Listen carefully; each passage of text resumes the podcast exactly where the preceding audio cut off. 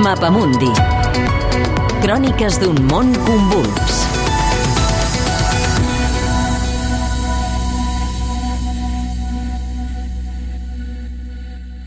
Indefensos davant la xenofòbia a Sud-àfrica.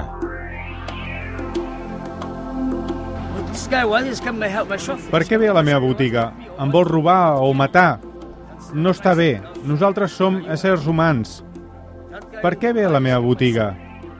I tens tot de veïns sud-africans que venen a robar-te. I la policia el que fa quan arriba és dir «Vine, somali, que t'arresto». El Mohamed Malin és de la comunitat somali de Ciutat del Cap.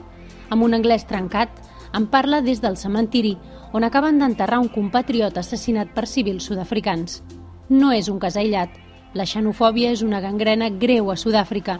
De tant en tant, hi ha fortes onades que s'estenen com la pólvora i els brots causen desenes de morts en pocs dies. Però inclús quan les xifres no són tan altes, el degoteig i els abusos són constants.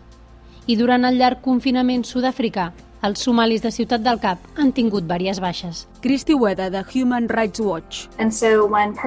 Quan els delinqüents senten que el govern ignora la pobresa, la desigualtat i els elevats nivells d'atur, s'acaben generant aquests atacs de violència en grup. Els civils utilitzen armes, la policia, la força i el govern ho aprova amb la seva passivitat. A la vegada, els nens experimenten assetjament i violència a les escoles sense que els centres educatius prenguin cap mesura per a la seva seguretat i protecció.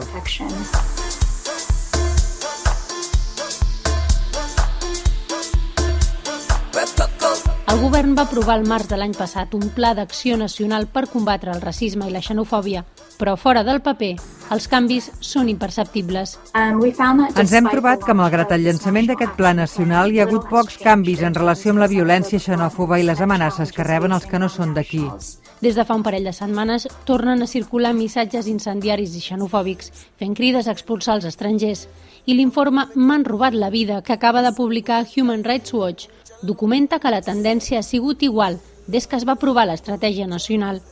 El difícil context econòmic causat per la pandèmia fertilitza, a més, el descontentament, l'angoixa d'aquells sud-africans que acaben buscant caps de turc. A part dels robatoris, també tenim els gàngsters.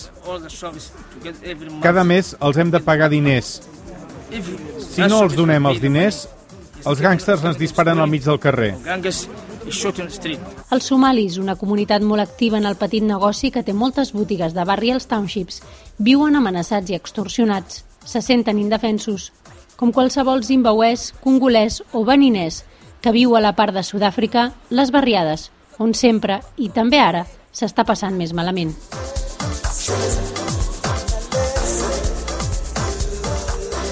És un reportatge de Gemma Parellada des de Ciutat del Cap, disponible al podcast del Mapamundi.